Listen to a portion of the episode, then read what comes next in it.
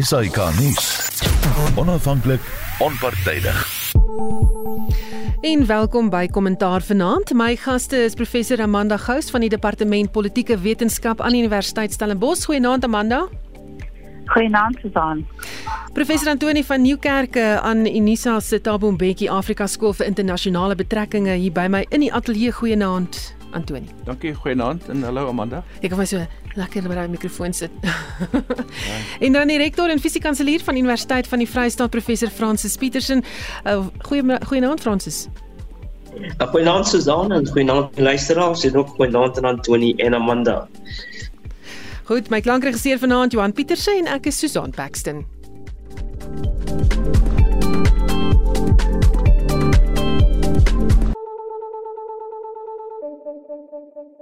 Jy is ingeskakel op RC luister na kommentaar en ons begin vanaand in die buiteland. News24 berig dat Israel is besig om islamitiese jihad posisies in die Gaza-strook te bombardeer. Dis al die derde dag van die geweld en berigte wil dit hê dat 31 Palestynë gesterf het. Militante het ook vandag begin om vuurpyle in die rigting van Jerusalem te vuur. En Antonie terwyl jy nou hier by my is, kom ons begin sommer by jou. Hoe het hierdie ronde van geweld nou begin?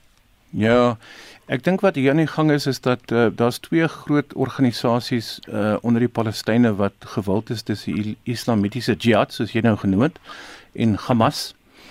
Ehm um, en hulle hulle struwel uh, onderling onder mekaar om die stem van die volk te wees as ware.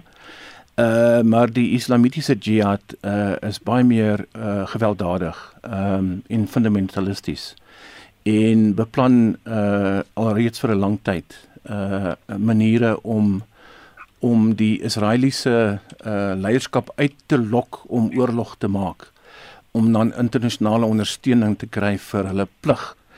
En en dit is waar ek dink die die moeilikheid inkom want ons kan dalk almal met mekaar saamstem hoofsaaklik met mekaar saamstem dat die Palestynë in 'n moeilike posisie is. Jy hoef maar net 5 minute op 'n TV-skerm te kyk hoe lyk dit uh, in Gaza vandag om te verstaan dat die mense wat daar woon in 'n in 'n in 'n in 'n hel woon.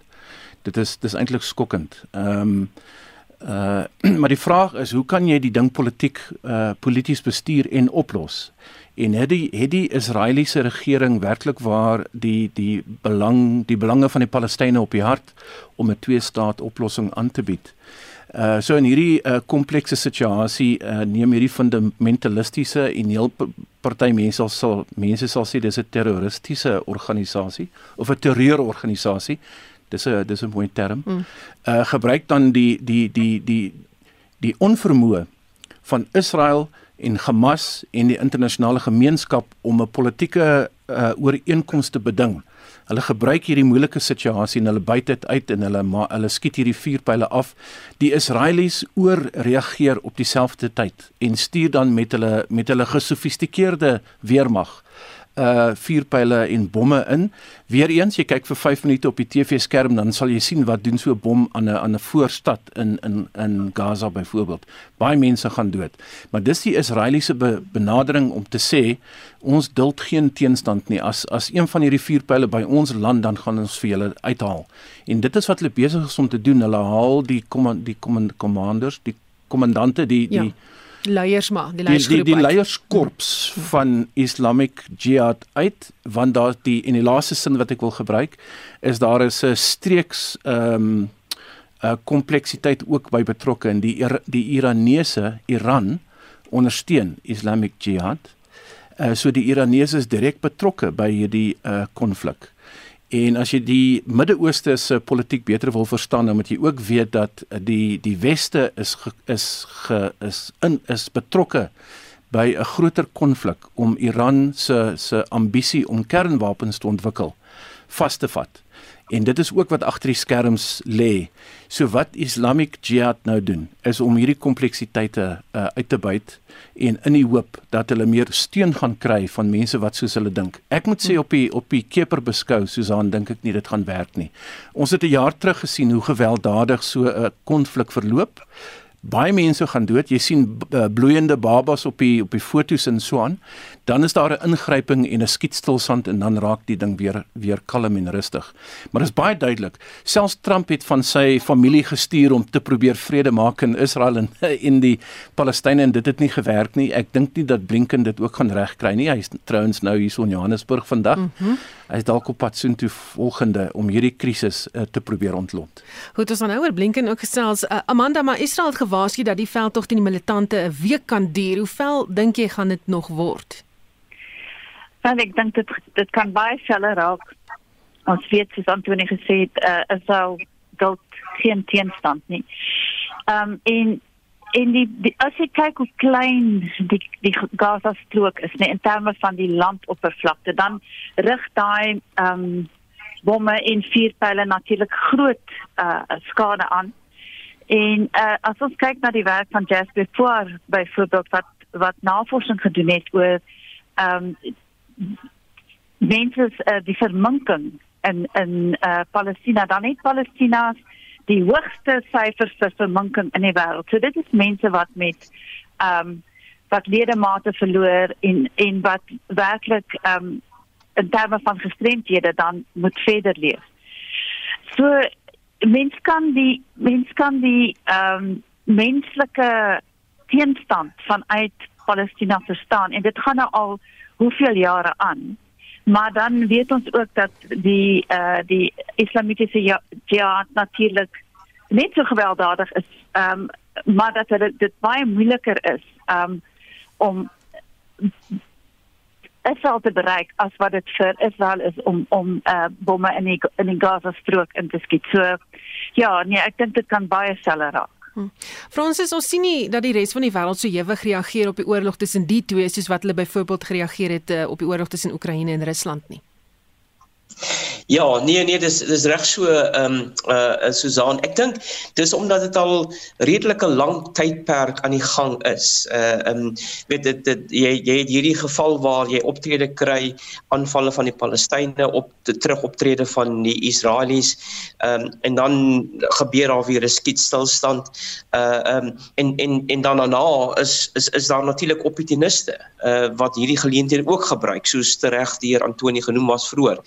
Ehm um, en ek dink dit is 'n uh, dit dit is omdat hier so langdurige interaksie is en dat hierdie konflik tussen tussen Israel en Palestynë vir so 'n lang tyd aankom.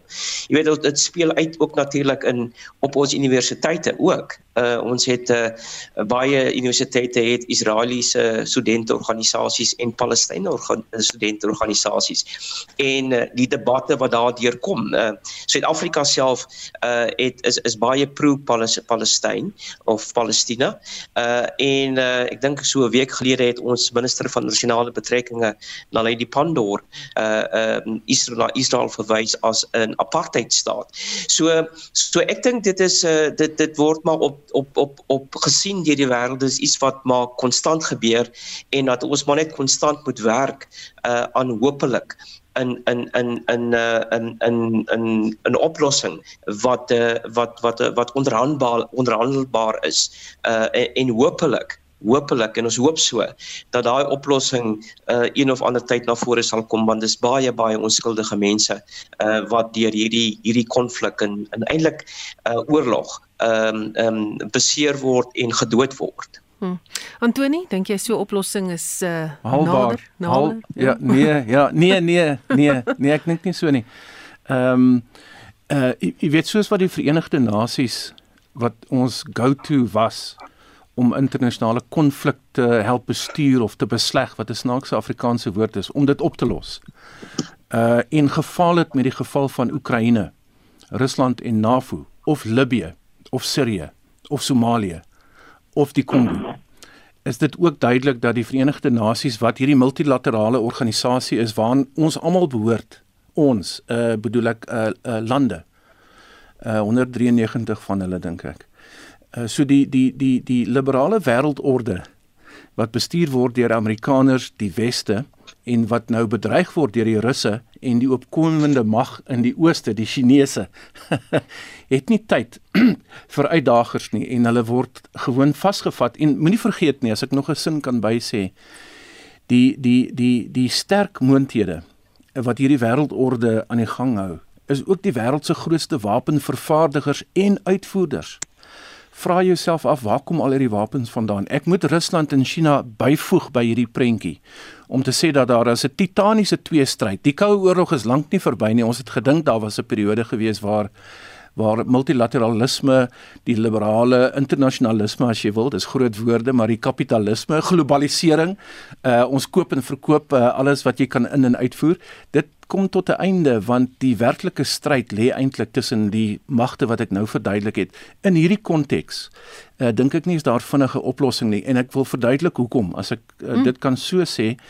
Um Israel is 'n is 'n sleutelvernoot vir die weste wat die politiek van die Midde-Ooste aanbetref. Net soos wat Rwanda uitgesoek word om 'n sleutel te word vir dieselfde westerse magte in uh, in groot dele van Afrika, Sentraal-Afrika. Net soos wat Taiwan 'n sleutel geword het vir die weste om die Chinese in plek te hou dit is wat Israel besig is om om te doen. Hulle kry hulle wapentuig van die Amerikaners. Daar is 'n baie dit maak nie saak watter administrasie in Amerika aan bewind is nie. Uh die verhouding met Israel is baie sterk histories en so aan en so meer. Daar's 'n 'n godsdienstige uh, dimensie daaraan ook en ons vermoed dat die Israelies kernwapens het, so die die Iranese en die Saudies gaan hulle nie vinnig of maklik kan uithaal nie. En dit is hoekom as Israel besluit hulle gaan mense in hulle agterjaar 'n bietjie um, 'n uh, 'n les leer om jy weet met hierdie konflik dan word hulle nie teengestaan nie en die Verenigde Nasies kan niks daaromtrent doen nie want per slot van rekening is die 3 van die 5 op die op die uh Verenigde Nasies se Veiligheidsraad is is die groot westerse lande. Ja. Dit is hoekom hierdie konflikte nooit ophou nie. Nou gepraat van konflik uh, Oekraïne en Rusland. Uh, vandag blameer uh, jy weet Oekraïne dan nou vir Rusland vir vier pile wat afgevuur is op 'n kernkragstasie, weer kern wat daar ter sprake is wat Rusland vroeër oorgeneem het. Die Zaporizhzhia kernkragstasie is in die suide van die land en Rusland het weer op sy beurt gesê dit was Oekraïne wat die vier pile afgevuur het. Die Verenigde Nasies het uitgevaar teen die aanval en gesê alle veiligheidsprotokolle is nou verbreek deur hierdie aanval. Ehm um, Amanda, waar trek ons tans na jou mening in hierdie oorlog? Dan weet dat dit in die syde gebeur het, is kommerwekkend want ehm um, weet dit is dit is 'n verder in terme van die uh die area wat waar, waarmee die Oekraïne die Russe besig was. So ek dink die groot rede hoekom uh die weste nog nie ingegryp het nie, is die vrees vir 'n kernoorlog. En en dit natuurlik ehm um, as die, as dit die Rusland is wat hierdie vier pile afgevuur het, wys dit ons weer eens dat jy weet ons moenie dink dat dit dat Putin dit dalk nie sal doen nie.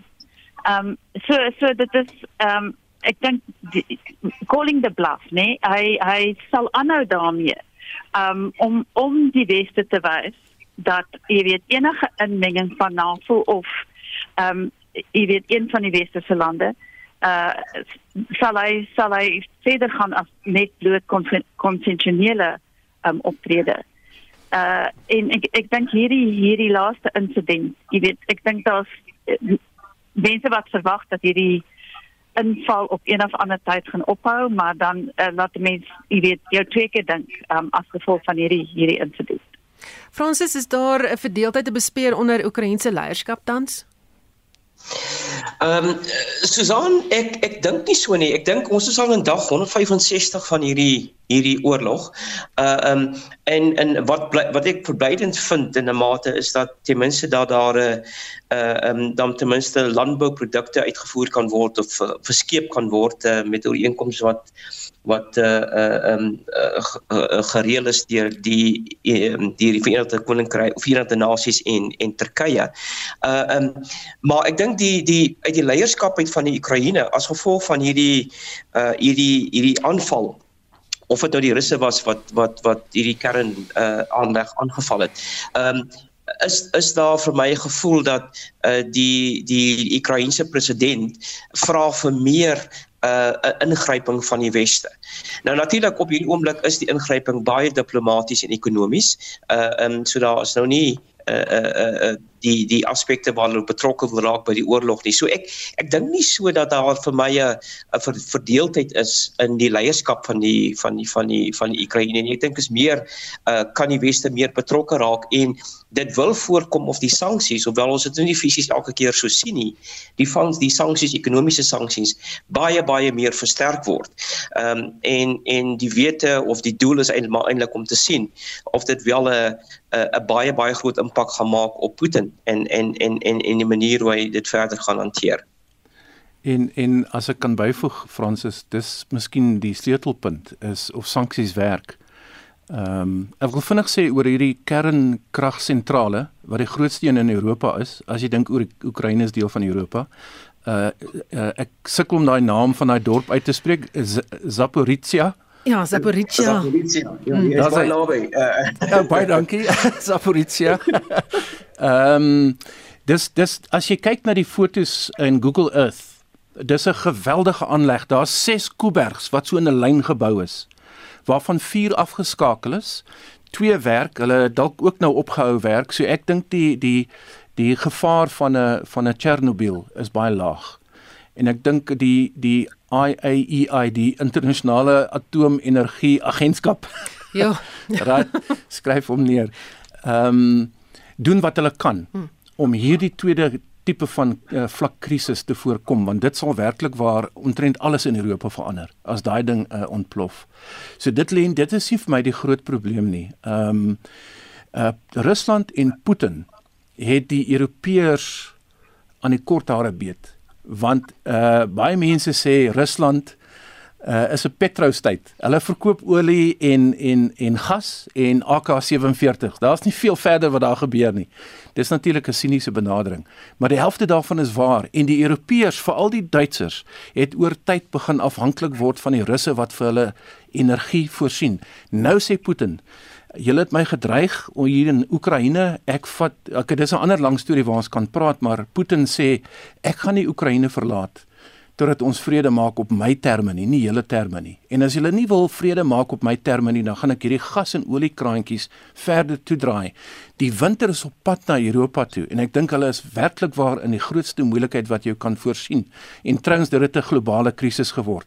Ek wil vinnig bysê, die krisis is so groot dat die Europeërs nou naarstiglik soek na alternatiewe energiebronne en die terreur in Cabo Delgado in Mosambiek het nou 'n tweede het onbelangrik geword want Total en die Amerikaners wil daai gas aanleg in Cabo Delgado weer aan die gang kry. Hulle sal private uh sekuriteitsmaatskappye gebruik om die terreur op 'n afstand te hou. Wat hulle nou wil doen in die volgende paar maande is om daai gas te laat vloei. Dis en as jy vir my vra en as ek nou stout is, dan sal ek sê ek dink Blinken is hier vir sulke ekonomiese redes ook. Hmm, ons gaan nou oor Blinken praat. Uh, Amanda, wil jy ook so 'n stoute uitlating maak? nee, nee, ek dink net Antonie sê oor die winter, uh jy weet, wat gaan die Europeërs doen uh as hulle nie genoeg gas het nie? Dit is al klaar 'n krisis nou in die somer met die hittegolf. Um ek was in Italië en ons het daar omtrent elke dag uh load shedding gehad. Uh wat Eh, wat vreemd was want daar was eenvoudig net nie genoeg elektrisiteit as gevolg van al die verkoelers wat aangeskakel is nie. Hm. En klimaatsverandering. Ja, ja. Fransis, jy uh, enige ja. idee daaroor? Nee. Ja, nee nee, Susan, ek ek dink uh, uh Antonie Amanda is 100% reg.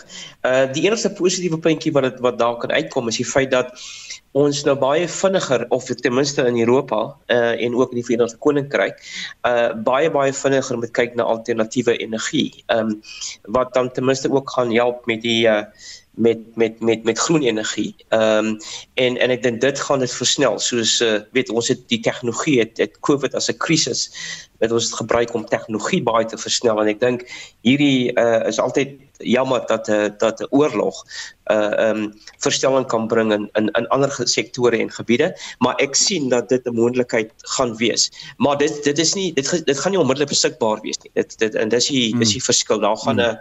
daar gaan definitief 'n ander intervensie moet gebeur maar ten minste as so, sodra daar 'n vervanging kan kom van hierdie gas, dan tot 'n mate maak dit ook 'n uh, ehm uh, maak dit ook moeilik vir vir Putin in Rusland op die lang termyn in terme van die verkope van gas want dan is die afsetgebied in die mark uh, kan moontlik dan totaal nie meer daar wees nie. So so ek dink dis die dis die dis die ander aspek uh, maar dit gaan nie onmiddellik gebeur nie.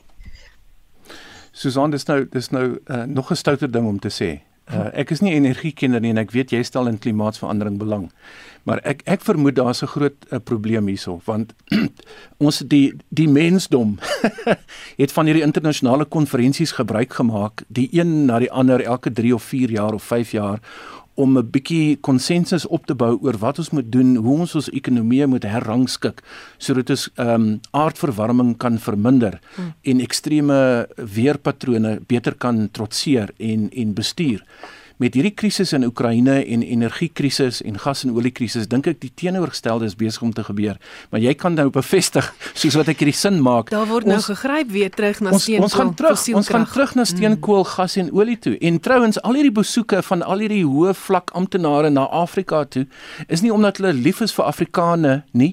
Dis dis omdat ons het natuurlike hulpbronne wat hulle wil soek en hulle is desperaat daarvoor en die die ideale en die beginsels wat uitgespreek word op hierdie COP konferensies uh word alles in die asblik gegooi nou. Hmm, want dit is 'n duur uh, proses om so uh, oor te skakel na groen energie, as jy so wil noem. Goed, uh, tyd stap aan en ek wil nog net een buitelandse kwessie aanraak vir ons hier plaaslik gaan wees. Die Amerikaanse minister van buitelandse sake, Anthony Blinken, het in Suid-Afrika aangekom. 'n Mooi foto van hom wat vanaf die trap van die vliegtuig gewaai nadat hy daar in Lanseria lughawe geland het. Baie vroeg in die oggend, was nog donker. Ek weet nie wie daar was daar om hom te ontvang nie, maar hierdie is deel van sy vyf nasies toer. Ehm um, jy is baie opgewonde oor sy besoek uh, Antoni. ja. dit is dis uh, dis een van Amerika se mees bekwame diplomate. Hy hy's uh, charismaties. He's very good looking. Uh, hy praat goed. Ehm um, hy hy hy verstaan uh, die politiek. Ehm um, ek dink hy hy dra boodskappe uit. Hy's nie sy eie man nie. Hy hy's 'n agent. Hy word gebruik uh deur die Biden administrasie om om boodskappe uit te dra. Wat is sy boodskap? Hoekom is hy in Johannesburg vandag? Hy het nou Soweto toe toe gaan, jy weet, en voorgegee dat hy omgee vir die arme mense daar. Ek is ek is redelik sinies oor Blinken en sy rol. Hy is in Suid-Afrika en doen 'n Afrika toer oor die redes wat ons sopas opgenoem het. En daar's 'n verdere rede. Hy gebruik ons in Suid-Afrika. Môre gaan hy nou daar in die hoofkantoor van Dirkou van ons buitelandse sake daar in Pretoria in Riet Riet uh in elk geval die straat. Oh, ja. ons het 'n baie mooi mooi hoofkantoor in in in Pretoria. Hy gaan hy gaan Amerika se strategie heens Afrika aankondig in ons buitelandse beleid buitelandse sake gebou in Pretoria. Dis so bietjie soos 'n uh, luisteraar sal onthou, uh toe Thabo Mbeki die president was, het George Bush op so een van hierdie toere uh so verby Thabo gestap en so op die skouer geklop en gesê you're my point man on Zimbabwe. Kan jy dit onthou? Jy's nog te jonk so. Ek sê ongewees vir ja. dit dink ek. Right, so hier's nou 'n replay van dit uh, 'n uh, uh, groot moondheid wat uh, die die voordele van die kontinent wil benut om allerlei ander redes uh om sy eie nasionale belange na te streef gebruik ons dan en so Blinken is 'n is 'n is 'n man wat jy soort van wil ontvang want hy hy hy hy's ordentlik en bedeesd en so aan. Maar hy is juis die man wat môre 'n toespraak gaan maak. En ons sal dit almal moet lees. En die probleem vir ons as Afrikaners of Suid-Afrikaners is wat is ons strategie? Hens Afrika in die konteks van hierdie globale uh, magsverskywings wat besig is om plaas te vind. Blinken is nie die eerste topamptenaar van 'n groot moondheid wat ons kom besoek nie. Hy's omtrent die 5de een. Voor hom was, ons kan die lysie maak, die Duitse bondskanselier, die nuwe een was hier nie, Angela Merkel nie. Uh, Olaf mm. Scholz was hier gewees. Voor hom was die Chinese is in elk geval elke tweede week hier. Voor dit was die Russiese afgevaardigde ehm um, uh, minister van buitelandse sake was hier Lavrov was hier gewees. Lavrov is 'n is 'n gedigte teenstander vir Blinken. Hulle speel dieselfde spel en hulle kom al twee Afrika toe want ons het baie om te gee in terme van die energie en die voedselkrisis wat ons vir die volgende paar jaar in die oë gaan staar. Hm. Amanda, uh, dink jy gaan wêreldgeopolitiese gesprekke gevoer word tussen Blinken en Naledi Pandor? Ja, ek dink dat die poging sal aangewend moet word, maar jy weet ek dink ook ons eie uh, situasie met korrupsie en die xenofobie in Suid-Afrika en al die ander probleme wat ons het maak dit net soveel moeiliker um, om ek dink uh, jy weet geloofwaardig te wees oor oor baie aspekte van ons beleid teenoor Afrika.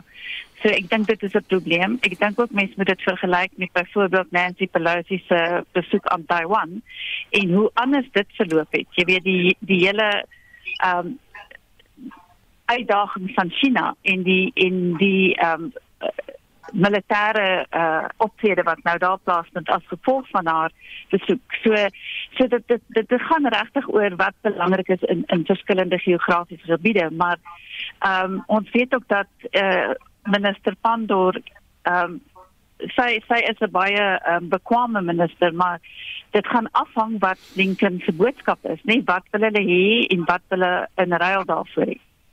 Francis, wat dink jy gaan hy sê? Ja, nee nee nee, ek ek ek ek dink hy sou ook beseker by Suid-Afrika wil wil luister waar staan ons ten opsigte van die Oekraïne uh en Rusland. Uh, ja. ons was ons is ons is maar redelik uh, redelik neutraal wat dit betref en en en en hy sal seker dit wil dit wil na kyk en ek stem saam met Antonie al die ander ander ander goed wat hy gaan bespreek oor klimaat en handel en so aan. Dit gaan seker op die tafel wees. Ek eh, een van ons een van die dinge wat ek 'n bietjie as 'n uitdaging vind is is Suid-Afrika se se beleid, se internasionale beleid ten opsigte van uh die hele geopolitiese verskywing. Ek ek het ek het nog nie regtig ek kan nog nie regtig die kap my my my die kap agter die byl kry wat dit betref nie. So ek dink tot 'n sekere mate uh uh um, is dit seker ook maar hoor en luister. Uh kyk wat wat wat uh uh in Amerika vir Suid-Afrika en vir Afrika kan doen. Uh veral omdat ons nou 'n bietjie uit die COVID-19 kom uh en tot hoe mate dit die kontinent uh baie geraak het. Uh en en is daar iets wat wat wat wat uh, ons met hierdie onderhandeling of gesprek met Blinken ten opsigte van Amerika daar uit kan kry.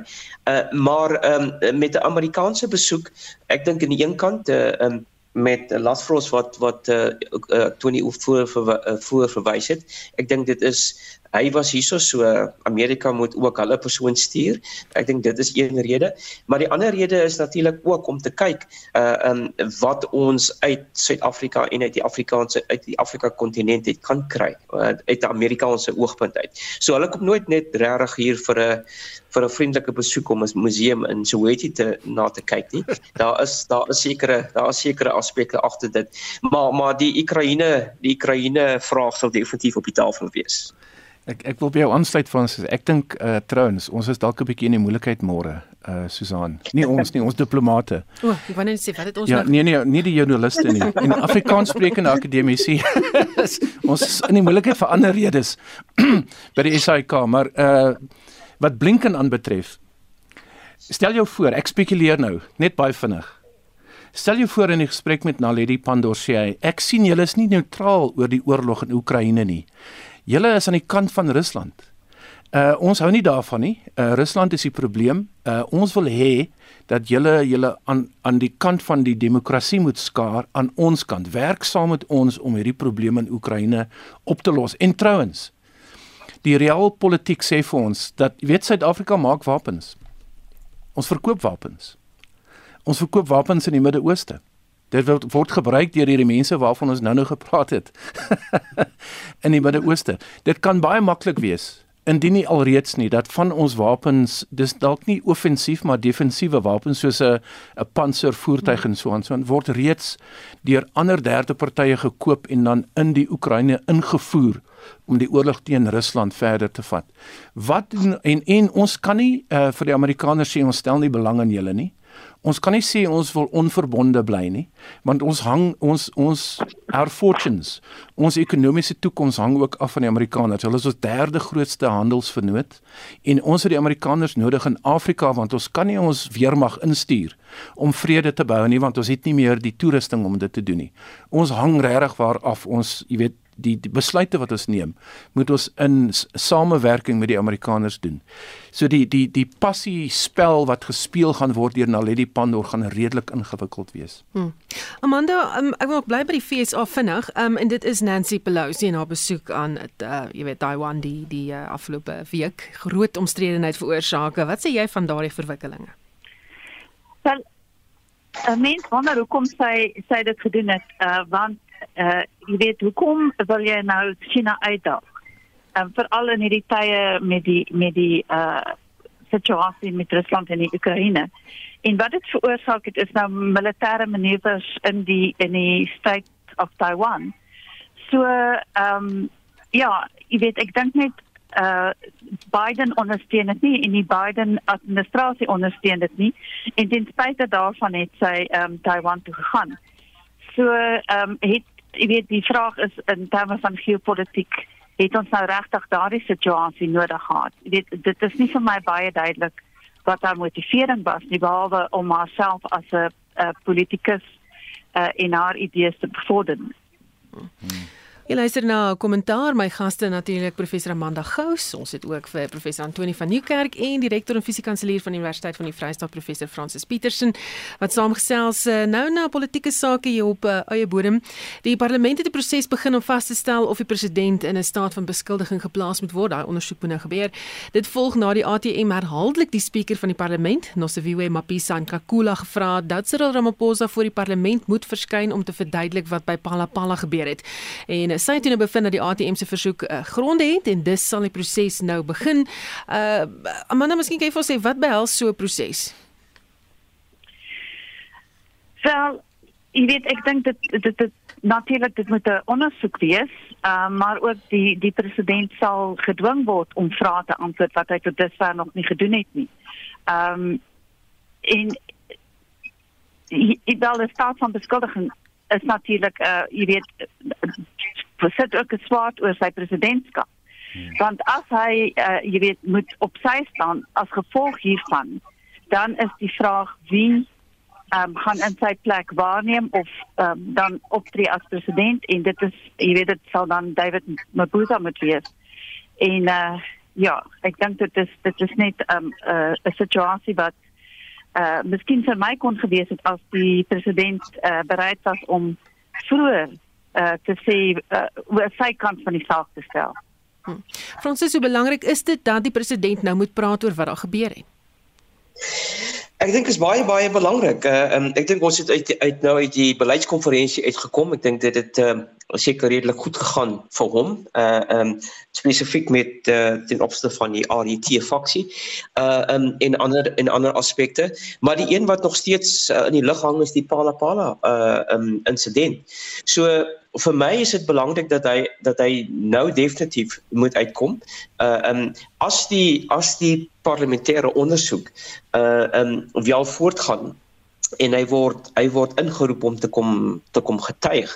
Dan dink ek gaan dit 'n uh, gaan dit vir my 'n 'n 'n baie reaktiewe 'n uh, 'n uh, uh, respons wees van sy kant af waar hy nou op die oomblik en nog steeds in 'n posisie kan wees om om uit te kom en te sê maar luister dis wat gebeur het daar was geen geen uh uh um uh on, onder onder onder duinse aktiwiteite nie.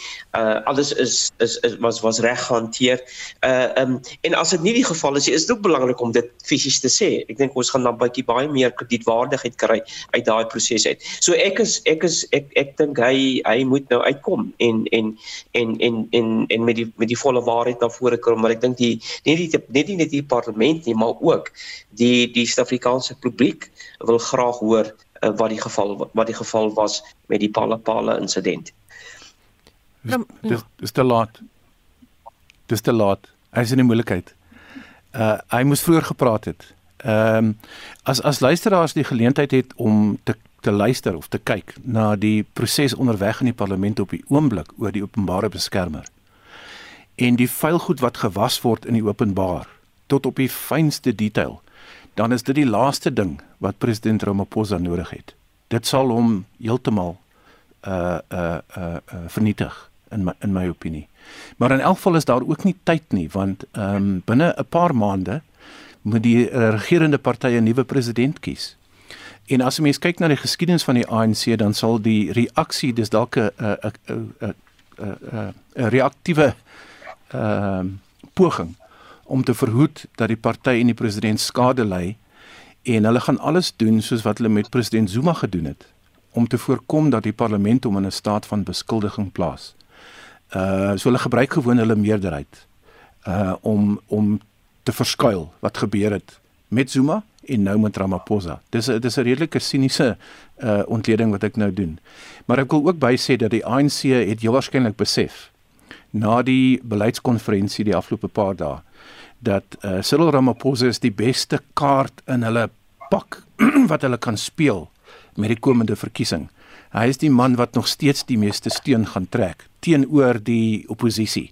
En ons kan later dalk oor die oppositie praat of die staat van waarin die oppositie is.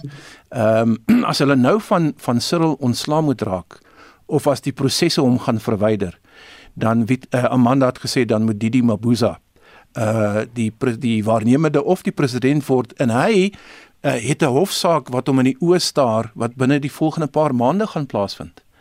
En as dit nie die man is wat met, uh, dit moet doen nie, waar gaan ons dan heen? Dan dan skraap ou die die hoe sê mense in Afrikaans? Dan raak die opsies al hoe minder. Ja, daar onderkant van die pot. die, ja, dit is reg. Die skraapsels Ja. Terwyl jy nou praat van die die stand van die oppositie, ek ek neem aan jy verwys na uh, Makashule Ghana, die ALP wat bedank het en hulle wil nou voorkom of die organisasie Revenue Circle hom nou, genader het vir 'n uh, dalk om daar ietsie te begin. Ghana wou niks sê volgens die koerante nie en uh, Ghana is ook al lankal ontnigter oor die DA leierskap het hulle wel geskryf. En toe Tim Du Plessis geskryf in 'n rubriek dat daar 'n uh, ANC zero nodig is en hy verwys ook na kiesers wat nie die DA in mag wil hê nie want dit lyk of hulle voel dit is net dat die DA net wit gemeenskappe help en bystaan en uitbrei. Ehm um, Fransis ek het gehoor jy ook uh, daar so half 'n bietjie gelag toe toe Antonie daarna verwys het, maar uh, is kiesers tans op soek na 'n nuwe politieke huis met min keuses? Ja, ek dink so. Ek dink so. Ek eh, ek dink die ehm um, die die vraag is uh, gaan jy uh ehm um, gaan jy die bestaande ANC uh uh ondersteun en en en kyk of wat wat die foute daar is en dit probeer regmaak. Uh um of gaan jy gaan kyk na uh die die oppositie uh en of gaan jy kyk na koalisie koalisie regering. Uh um en ek dink dis seker maar al die die die die tipe van opsies wat daar bestaan. Die DA dink ek en dit het ook uitgekom uit uh uit uit uh Magashule uh Ghana se uh, se se se gesprek uh op 'n dieper vlak is dat ek dink die die DA het die opening wat die ANC daar uh, uh neergesit het met met hulle onvermoë om effektief te reageer het die DA nie daardie opening effektief gebruik nie ek dink hulle was te stadig uh en en en en en en dit het dit dit veroorsaak frustrasies uh binne die binne die binne die uh die DA en veral van die swart leierskap uh um binne die DA.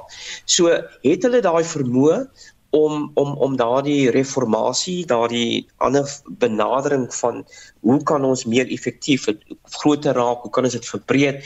Hoe kan ons uh uh ons ons ons uh ons party ook baie meer demografies demografies verbreek? Uh um ek ek het nie ek dink nie daai op die oomblik is die regte persone daar om dit om dit te kan deurvoer nie. So jy sit in 'n in 'n baie moeilike situasie dat jy nie noodwendig 'n baie baie sterk oppositie het om uh, om om om om om die ANC uh, uh redelik aan te vat nie. En dan is die derde opsie natuurlik is dan net die koalisie. En ek dink uh, as ons kyk wat in Tembisa gebeur het, uh dan dan gee dit ook vir ons 'n bietjie van 'n van 'n van 'n ander uh uitkoms in in 'n in 'n in 'n uitkyk na wat is die uitdagings van binne koalisiepolitiek uh um in in so aan. So uh, ek ek dink die die die die die die kiesers wil na iets nuuts kyk maar ek weet nie of daar wel iets nuuts is wat wat uh, wel die ANC kan vervang nie. Hmm. Amanda, stand van die oppositie tans? Wel, ek dink ons moet kyk na wat Magashule Ghana gesê het, is dat hy wil 'n nuwe beweging of 'n nuwe party begin, maar ons weet mos nie my man het dit ook gesê. Hmm. So dit is dis moeiliker gesê as as gedoen, maar die die DA ehm um, weet dit basies die die swart steen verloor in die sin van al die swart leiers wat wat uittreë uit die DA uit. So mense sien kiesers sien regtig nie die wat wat ontnigter is met die ANC sien nie 'n um, opsie nie. En en dit is hoekom die stempersentasie met elke verkiesing laer en laer raak. Mm. En ons weet net dat ons kan nie koalisie regerings doen. Ons dit dit gaan baie sleg op die plaaslike vlak. Nou stel jou voor op op die nasionale vlak. So as die ANC onder 50% kry, dan praat ons koalisie en dan dink ek is dit nag vir Suid-Afrika. Ek meen dit is klaar nag, maar dan is dit nog erger. So so Ek glo positief man. Ons praat nie nou oor Eskom nie. Dis nag. ja, so so dis dis donker. Ehm um, maar maar dit is die dit is die realiteit van Suid-Afrika. Is dat ons het ons het 13 partye in die in die parlement waarvan net uh, vyf meer as as 1% van die stem het. So jy weet hoe, hoe meer partye ons bysit, hoe meer word dit gefragmenteer. My argument is al vir jare dat ons 'n drempel moet insit. Met ander woorde, as jy 'n 2% of 'n 3% of 'n 5% drempel insit, dan word hierdie kleiner partye uitgeskakel of hulle al maar al maak meer of hulle moet iets doen. Mm. Um, dat jy net 'n sterker oppositie het, maar soos soos dit nou is en ek meen daar's baie mense wat argumenteer jy jy het hierdie klein partye nodig want hulle almal verteenwoordig iets anders. Um, ek ek natuurlik stem nie saam daarmee nie. Um, so so dit ons probleem is dat ons het nie 'n oppositie nie die, die en die EFF het so 'n harde stem dat dit eintlik gesien word as die oppositie baie meer so as die DA. En en jy weet wil jy nou vir mense ek ek dink die populisme in Suid-Afrika het ook 'n plafon. So die die EFF het hulle plafon bereik. Um en en dit is die probleem is dat jy weet daar is nie 'n geloofwaardige party waarvoor mense kan stem wat moeg is vir die DA of vir die ANC nie. Hmm. Goed, ek wil ook gesels oor Bosisi Mqobani, dis nie openbare beskermer. Ehm um, die uh, ondersoek na haar en haar geskiktheid vir die pos in die parlement wat nou momentum optel. Drie mense het getuig dat sy 'n goeie leier is wat weet wat sy wil hê, maar dat sy ook mense na kantoor gemanipuleer en verraai het. Haar en Afa Fraser se verbintenis het ook aan die lig gekom en Fraser se diep voetspore in die OB se kantoor is ook uitgewys. Uh, Antoni, wat is haar en Fraser se verbintenis? Ja, dis nag. ek net voor ek oor haar praat, wil ek net vinnig byvoeg by wat Amanda gesê het. Ehm um, Susan, jy weet, uh toe die sondeverslag nou uitgekom het, uh en ons begin begryp uh hoe diep die korrupsieprobleem loop. Uh nie net onder die regerende party nie, maar sê maar die politieke elite in collusion with in samewerking met ehm um, uh, die uh, dele van die privaat sektor. En baie staatsamptenare daai onheilige driehoek. Ons begin nou besef, het 'n mens gedink dat uh, dat as Suid-Afrikaners gaan ons nou kan besluit ons is nou moeg vir hierdie tipe van bestuur van die regerende party ons gaan ons gewig agter jy weet 'n uh, sterk oppositie gooi. Maar soos Tabo Mbeki vir Cyril gesê het by Jesse Duarte se se uh, begrafnis you you ain't got no plan. So waar's die oppositie se plan? Uh en en daar's geen kans dink ek dat hulle hoegenaamd bymekaar gaan kom as 'n blok, 'n verenigde blok teen die regerende party nie. Ons voorland on, ongeluk en daar was 'n oomblik gewees van opwinding toe die burgerlike samelewing gesê het defend our democracy verdedig ons demokrasie. Dis 'n uh, klomp uh, swaar gewigte wat diep spore getrap het in ons politieke en kulturele, jy weet, geskiedenis die afgelope 30 jaar gesê, hoekom werk ons nie saam aan 'n nuwe plan nie? En dit is die tipe van moes hier dit probeer doen, Ghana probeer dit doen, hierdie ehm um, NGOs probeer dit doen. Ons voorland ongelukkig gaan wees as die ANC onder 50% kry is 'n tipe van 'n koalisie. En as ons nie van die idee van koalisie nie hou nie, dan gaan die ANC baie slim wees en hulle moet vanaand luister, hulle gaan 'n regering van nasionale eenheid herinstel. Drie groot partye, IFP, ANC en nog een of twee, net om oor daai 50% te kom. En dit gaan ons voorland wees en dit gaan nie regtig uitwerk nie. Want daar's ander dinamika met met KwaZulu-Natal waaroor ons ons nie eers begin praat het nie.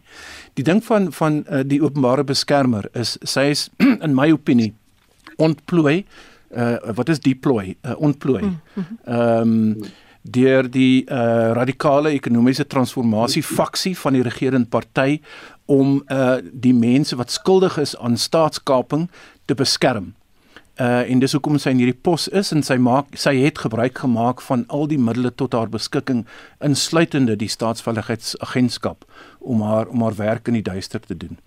Hm. En dit kom nou alles uit.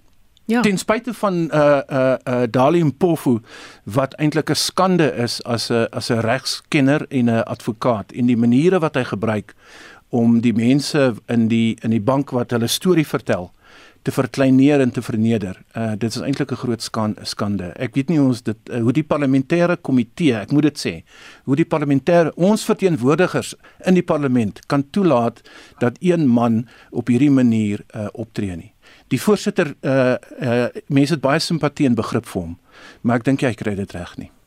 Fransis, hou jy hierdie gebeure in die in die parlement op? Ja, uh um, ek ek wil ek ek kyk so 'n bietjie daarna, uh Susan, maar ek ek stem saam met Antoni. Ek dink um ehm um, dit dit alles kom nou uit eh uh, uh, dat dit was die basis waar waar sy daar aangestel is.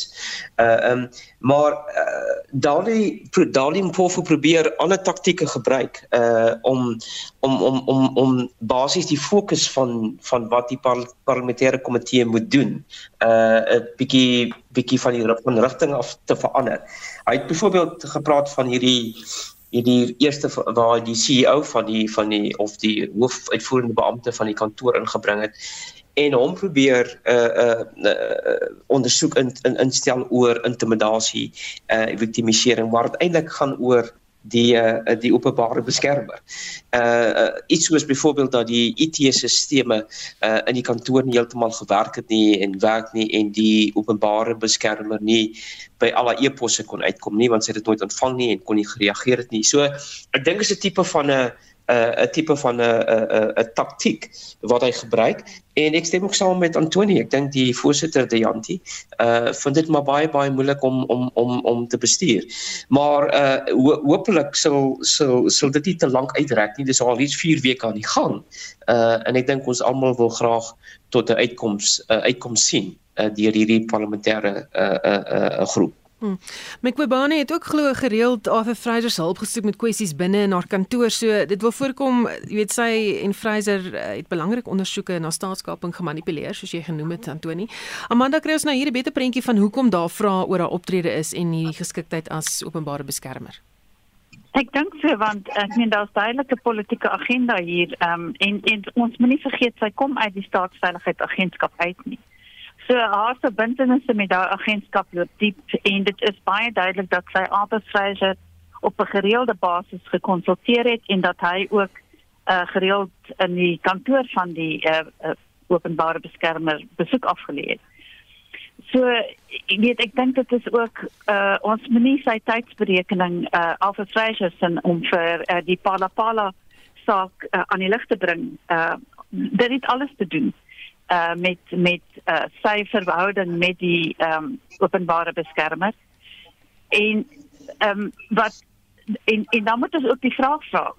Wat was die tydsberekening hier van die president om maar uh, na, net nadat daai ehm uh, um, inligting op die lappe gekom het, het hy haar geskort. So dit lyk alles baie verdag. Maar mens moet ook gaan kyk werklik na haar bevoegdheid. Sy 21 regters het, het teen haar uitsprake gelewer en sy het nou tot dusver die belastingbetaler 76 uh 77 miljoen rand gekos in haar stryd uh om om uit hierdie uh, situasie uit te kom. So jy weet as 'n mens haar nou byvoorbeeld vergelyk met uh met uh, Tuli Madonsela, dan is dit net so 'n groot uh verskil. Daar's so groot gaping tussen die twee waar die een het werklik weet probeer om die rol van die openbare beskermer te implementeer. En ons moet onsself die vraag afvra, sy is nie net deur iemand aangestel nie, sy is deur die regsdienskommissie wat onderhoude met mense gevoer het aangestel. So hoe is dit moontlik dat sy dan ontplooi is dan moes daar mos 'n hele agenda gewees het om haar daar te kry? iets om oor te dink dink ek wat Amanda ja, nou so, sê. Ja, en Amanda praat nou van Tuli Madonsela, dit is maar net omdat sy in Stellenbosch bly en, en werk. Dit is na die tyd van Tony. O o. Hulle is nou eers vriende. o o. Ons eh, goed so ons het nog so amper 9 minute oor en ek wil graag ook raak aan die gebeure in die Wesrand uh, die afgelope week verkrachting van agt vroue aan die Wesrand van Gauteng uh, het 'n kettingreaksie van gebeure tot gevolg gehad het. Minister van polisie wat toe nou al die Zamazamas of sogenaamde Zamazamas in hegtenis laat neem het wat tot nou toe nie met die verkrachtingsmisdaad of oortreding verbind kan word nie. Uitlatings oor buitelanders wat die land instroom onwettig en glo die misdaadprobleem in die land aanvuur en dan die minister wat 'n voet in mond oomblik beleef toe hy sê die inslagoffer kan bly wees net een man het haar verkrag en dan natuurlik ook die debat oor die chemiese kastrasie. Amanda, jou gedagtes hieroor? Wel, jy weet ek dink dit gaan weer eens oor die die feit dat die die verkrachtingsstatistiek is in Suid-Afrika is so hoog. So wat is die ANC se lang se plan in in terme van 'n langtermynplan om om uh, geslagsgeweld aan te spreek en dit is in die vorm van die nasionale strategiese plan op uh, geslagsgeweld en femicide. Maar die dit rus op ses pilare. Dit gaan oor ehm um, navorsing oor uh versorging ehm um, oor justice en empowerment vir vrouens en so aan. Maar op die in die kort termyn wat wat doen die ANC en dan uh aanvaar die ANC op hulle beleidskonferensie hierdie hierdie absolute belaglike beleid van chemiese kastrasie. As ons kyk na navorsing wat gedoen is dan wys dit vir ons chemiese kastrasie werk nie. Um dit dit het uh, baie nadelige gevolge vir die oortreder. Um maar dit dit dit werk op um dit dit dit kan werklik nie die uh onderliggende gewelddadige optrede aanspreek. Dit dit spreek ehm um, seksuele drange aan en dit moet die hele tyd gemoniteer word. Mense moet weet iemand moet kyk dat die die ehm um, kastrasie, die chemiese, die pille gedrink word en so aan. Ehm um, en selfs as as mense basies impotent is as gevolg van die kastrasie, kan hulle nog steeds vrouens verkrag met voorwerpe, bottels en stokke en so aan. So dit is nie iets wat jy, jy weet, um, as iemand eers vrygelaat is, is daar geen beheer daaroor nie. En waar dit wel in lande toegepas is, het dit gewys dit bring nie die verkrachtingssyfer af nie. Nou, jy weet, dit is die probleem dat nou, nou sê die president op die beleids konferensie maar ons het 'n krisis. Hy het tydens die COVID uh, familieaande wat hy met ons gepraat het, ons het 'n tweede krisis is geslagsgeweld. Ons is al jare in hierdie krisis. En elke keer as daar 'n so absolute um ongelooflike gewelddadige verkrachting plaasvind, dan spring almal in aksie om iets te doen en iets te sê en dan verdwyn dit weer. So daar is nie 'n uh, 'n uh, uh, strategie nie daar is nie 'n politieke wil om hierdie saak aan te spreek nie. En en dit is nou baie uh, gerieflik om buitelanders te beskuldig, nie? So dis die buitelanders, die Zamazamas wat verkrag. En ek sê nie dat hulle dit nie doen nie want dit is baie duidelik dat hulle West Village um absoluut gevange hou met met hulle gewelddadige optrede. Maar as ons na die statistiek kyk, 2019 2020 was uh, amper 45000 verkrachtings. En ons weet dit is 'n net 1 uit 9 of 1 uh, volgens die mediese raad 1 uit 25 verkrachtings wat aan gerapporteer word. Dan weet ons Suid-Afrikaanse mans verkragt, maar dit is baie gerieflik om nou die die buitelanders te beskuldig. En ons het klaar gesien jy het net 'n vonkie nodig. Dan gaan daai xenofobiese kruitvat weer op in vlamme. En dit het ons nou gesien uh, in Mogale City waar waar ehm um, daar nou uh, vigilante geregtigheid uitgedeel word aan aan buitelanders wat nie noodwendig saam saam is nie.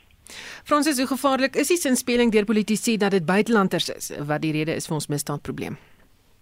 Ja, nee, ek dink dit is baie baie gevaarlik. Uh as daar buitelanders is wat onwettig in die land is, dan dink ek daar ons moet daar teen hulle optree.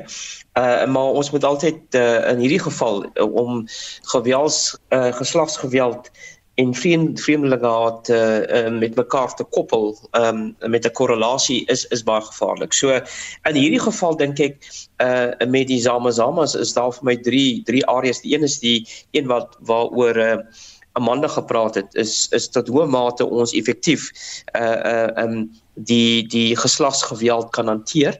Uh die tweede ene is is in Amanda het breedvoerig daaroor gesels. Die tweede een is die effektiwiteit van ons straf uh ons strafregstelsel.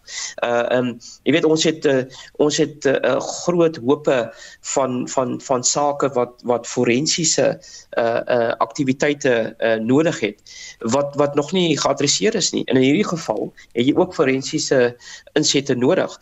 Um en en ek dink dit is 'n aspek uh ek het al 'n paar keer met ons polisie struktuur gepraat dat ons uh ook weer in meer universiteite of ander laboratoriums wat dit wel kan doen kan saamwerk met met met die polisie om dit te verstewig. Uh maar ek dink dis belangrik. Ehm uh, en natuurlik die die die hele kredietwaardigheid van die polisie uh wat nie noodwendig altyd baie goed geprojekteer word deur ons uh deur ons minister Becky Chelly nie. Uh en dan die derde ene is Susan is is eintlik die die hele aspek van uh van uh artisanale en kleinskaal myning uh wat op hierdie stadium uh nog nie deur 'n beleid omvat word nie.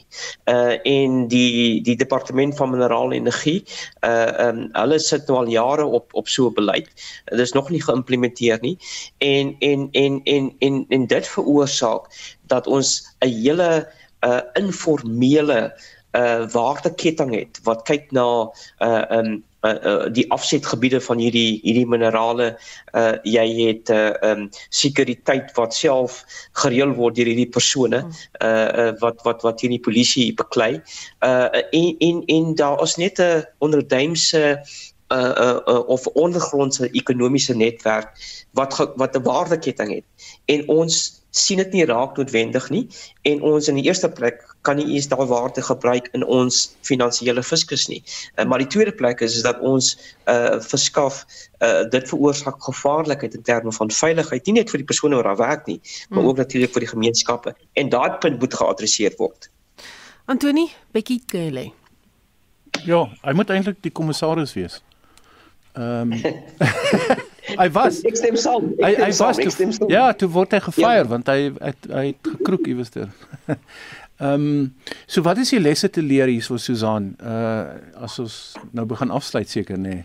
Ja, jy het so 2 minute. Yes, ja.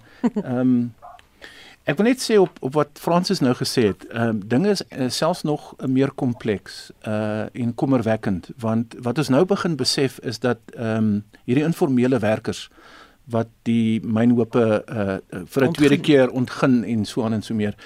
De, in in die Wesrand en seker elders in die, in Suid-Afrika is daar 'n tweede informele ekonomie aan die gang 'n swart mark.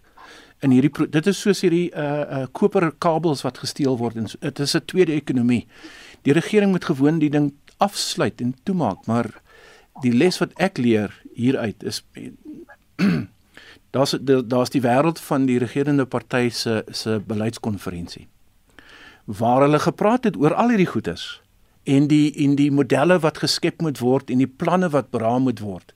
Terwyl hulle daaroor praat gebeur hierdie goed met ons in Suid-Afrika. En dis die wêreld van van waarin ons leef. Dis die realiteit. Die twee wêrelde was dalk op 'n manier verbind aan mekaar met 'n vorige ek werk nou by die Tabo Mbeki skool nê so ek moet nou sê dat toe hy die president was kon hierdie wêrelde met mekaar geraak het. Maar ons is nou so op 'n punt waar die twee wêrelde so ver verwyder is van mekaar dat my eenvoudige afleiding van hierdie hele ding waarvan ons nou praat is 'n is 'n 'n 'n mislukking van leierskap. Uh uh op alle vlakke. En daar's en ons kan nie vertrou op die minister van polisie om te voorkom dat agt vrouens weer verkragt word nie. Dit is dis hierdie probleem lê in die hande van die burgerlike samelewing en mense soos ons om iets daaromtrent te begin doen.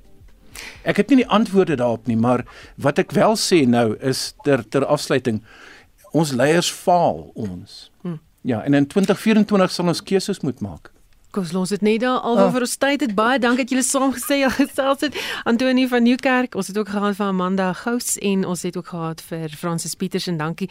My klankregisseur Johan Petersen my naam is Susan Paxton. Geniet jou aand.